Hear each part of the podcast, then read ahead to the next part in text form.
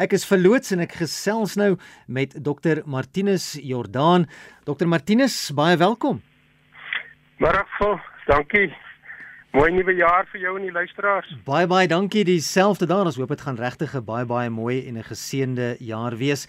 Nou Dr Martinus Jordaan, jy het al in verskeie hoedanighede op erfenis en genealogiese terreine gedien, onder andere ook in 2005 'n doktorale proefskrif geskryf met die titel Die Jordaan familie 'n historiese ontleding van hulle genealoog genealogie en die vesting van 'n toerisme roete. As ek sommer net eers kan vra waar kom die liefde hiervoor vandaan? Al wat wat ek kan dink, jy weet, ek het groot geword uh as ons by my oupa hulle gaan kuier het in hulle portaal was daar twee goed wat daar gehang het, 'n Jordaan wapen en uh wat was die aan en 'n foto van vier geslagte. Toe ek gebore is hier op 3 maande is daar 'n foto geneem van ons toe toe ons vier geslagte op een foto en ek dink die goed het maar so op 'n manier bietjie ingekruip in 'n ou en dit hmm, so onder die vel ingekruip. Nou hierdie register strek van 1420 tot 2021. Dit is 'n baie lang tyd en moet baie baie navorsing behels. Wat het die eerste uitgawe behels wat jou sou aanmoedig om dan die tweede een aan te pak? Ja, vir die eerste uitgawe wat ons in 2005 uitgegee het, het 33028 name ingehaat. En in en met die opstel van die register kon ons 'n mooi prentjie kry van die geografiese verspreiding van die stamvader se drie seuns Jan Paul en Louis waaruit alle Jordaanse in Suid-Afrika kom. Hulle kom uit een van die drie seuns uit.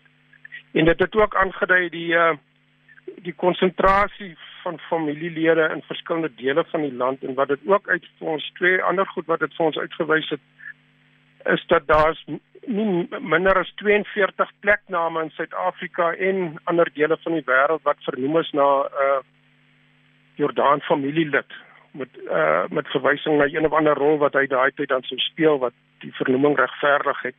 Wat maar 'n aanduiding is dat die uh baie van die Jordaan familielede maar gemeenskapsmense was en is. Ek het uh, spesifiek in my inleiding melding gemaak van die Jordaan genealogiese register en dit strek oor soveel baie jare maar vir die van die luisteraars wat nie heeltemal vertroud met die konsep is nie. Ek het ook gemeld dat ons praat oor stamboom sake. Is ek reg as ek sê dat dit is wat dit is of plaas dit bietjie in perspektief vir die wat dalk nie weet nie wat presies is 'n genealogiese register? So jy kry eintlik twee komponente as jy moet familienavorsing uh, doen. Die een is die die geskiedenis en die erfenis komponent en dan die ander een is register. Hmm.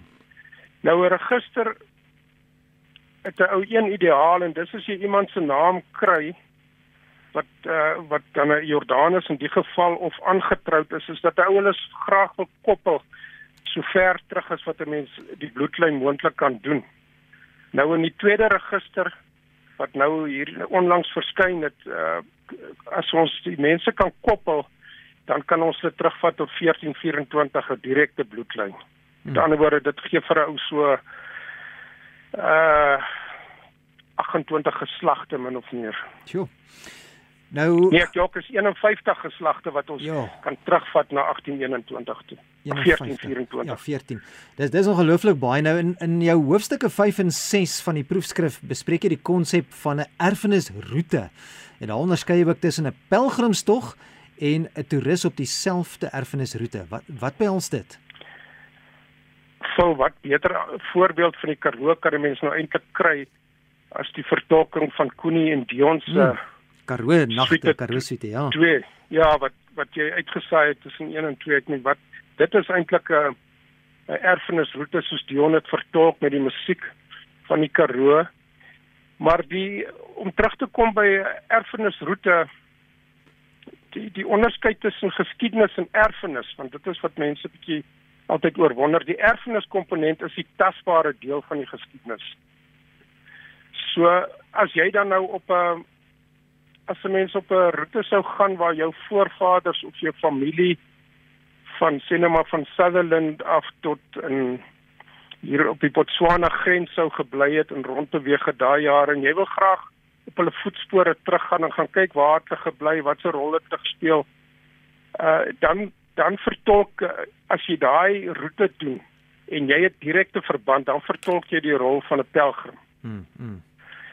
As iemand anders saam met jou ry of op sy eie en hy stel daaraan belang, maar hy het nie direkte belang nie, dan verwys jy na so 'n persoon as 'n toerist. Dit is maar 'n kort die verskil tussen 'n pelgrim en 'n toerist. Nou ek gesels met Dr Martinus Jordaan en ons praat spesifiek oor die Jordaan genealogiese register wat strek van 1420 tot 2021. Kan ander families jou teorie van 'n erfenisroete en interpretasie sentrum ook op hulle van toepassing maak? Ja, dit is wat so wonderlik is vir die model wat ons uitgewerk het uh met die uh, proefskrifnavorsing. Uh het ons gewerk aan 'n model wat ag vlakke het uh, wat moet voldoen aan 'n erfenisroete en 'n interpretasiesentrum as jy nou internasionale standaarde na kyk. En die wonderlikheid daarvan vir is as jy die inhoud vat van die model en jy pas dit toe op enige ander familie en hulle maak hulle inhoud deel van die model dan kan hulle dit so toepas en hoef nie weer die wiel te ontwerp nie en jy kan baie tyd uh, spaar en wonderlik um, potensieel monumente bou en allerlei interessante goed wat 'n ou kan weerskep wat deel is van die erfenis vir die volgende geslagte. Wat baie belangrik is is julle het 'n stigting en ook 'n virtuele museum. Nou, nou wat lê in die toekoms voor op navorsing vlak? Jy's dan nou verlede van die Jordaan familie onder meer wat julle stigting en virtuele museum betref en, en hoe kan ander families daarbey inskakel? Die virtuele museum het ons so 2 jaar terug begin uh, en ons het 'n uh, Andre besuitnet wat wat die wat ons nou wat die virtuele kurator is wat vir ons dit uitbou en die idee met die virtuele museum eh, vir wat so wonderlik werk met hom men, jy kan skenkings ontvang mense moet net vir jou goeie kwaliteit foto's stuur met die onderskrif dan kan jy hom in die virtuele museum gebruik as dit van toepassing is. So hulle hoef nie hulle dierbare goed weg te gee jy weet en, en daar gaan dit nie. Ja. So ons wil dit graag uitbou en dan met 'n volgende register sal 'n mens graag meer volledige uh die bloedlyne meer volledig wil kry. En dan die groot ding wat ons mee werk wat ons nou tot nou toe meer as 2 en 'n half jaar gevat het is om 'n grondwet daar te stel met behulp van kundiges uh vir die Jordaan stigting. Nou ons spook nou al met departement welsyn en dan moet ons na SARS toe gaan waar ons wil uh, goedkeuring kry onder artikel 18A om 'n stigting aan die gang te kry en en dan uh as jy kyk na die doelwitte en die doelstellings van die van die Jordaan stigting dan is dit maar om die stokkie oor te gee aan die volgende geslagte. Ja. Ek moet sê dit Dr Martinus ek is oorweldig. Ek het nie ooit besef dat dit daar is so baie aspekte daaraan gekoppel om so genealogiese register nie net by te bring of na te forsie maar ook te onderhou en dan nou ook oor te gee na die volgende geslag om dit verder te voed. Dit is dis dis fenomenaal. Wat is jou raad aan luisteraars wat graag ook hulle bloedlyne sal wil navors? Hoe moet hulle so ding aanpak?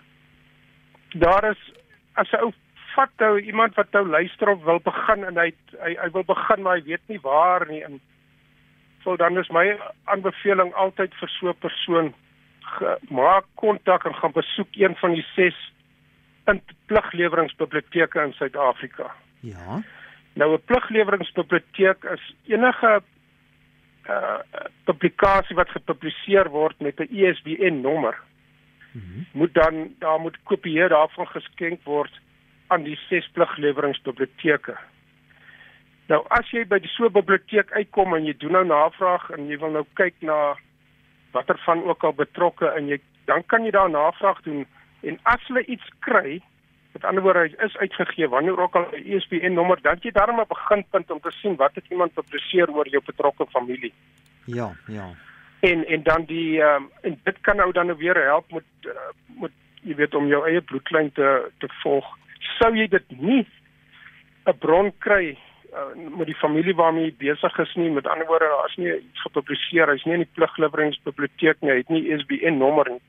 Dan nie twee ander plekke voor 'n ou nou by die kiberruim inkom en geboortesertifikate begin krap en, en doodsertifikate uh, is maar om by tweedehandse boekwinkels en dan meer spesifiek uh, boekwinkels wat spesialiseer in Afrikaner boeke te hmm. gaan aanklop en te hoor as daar nie iets van 'n familie nie.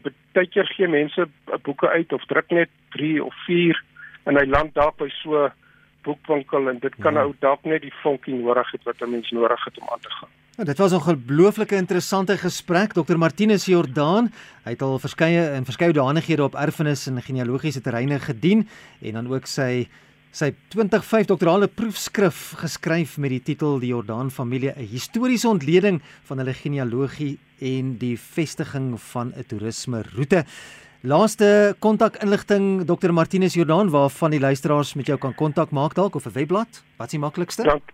Ja, daar's drie plekke. Hulle ons het 'n webwerf www.mesjordaan.co.za wat hulle kan besoek. Dit het al ons kontakbesonderhede of jy, hulle kan WhatsApp stuur na 084 577 3226 of hulle kan ons Facebookblad besoek besoek met die naam Jordaan Familie Navorsing en uh, en dan net klik en lid word van ons het al oor die 4530 lede op ons Facebookblad. Ja.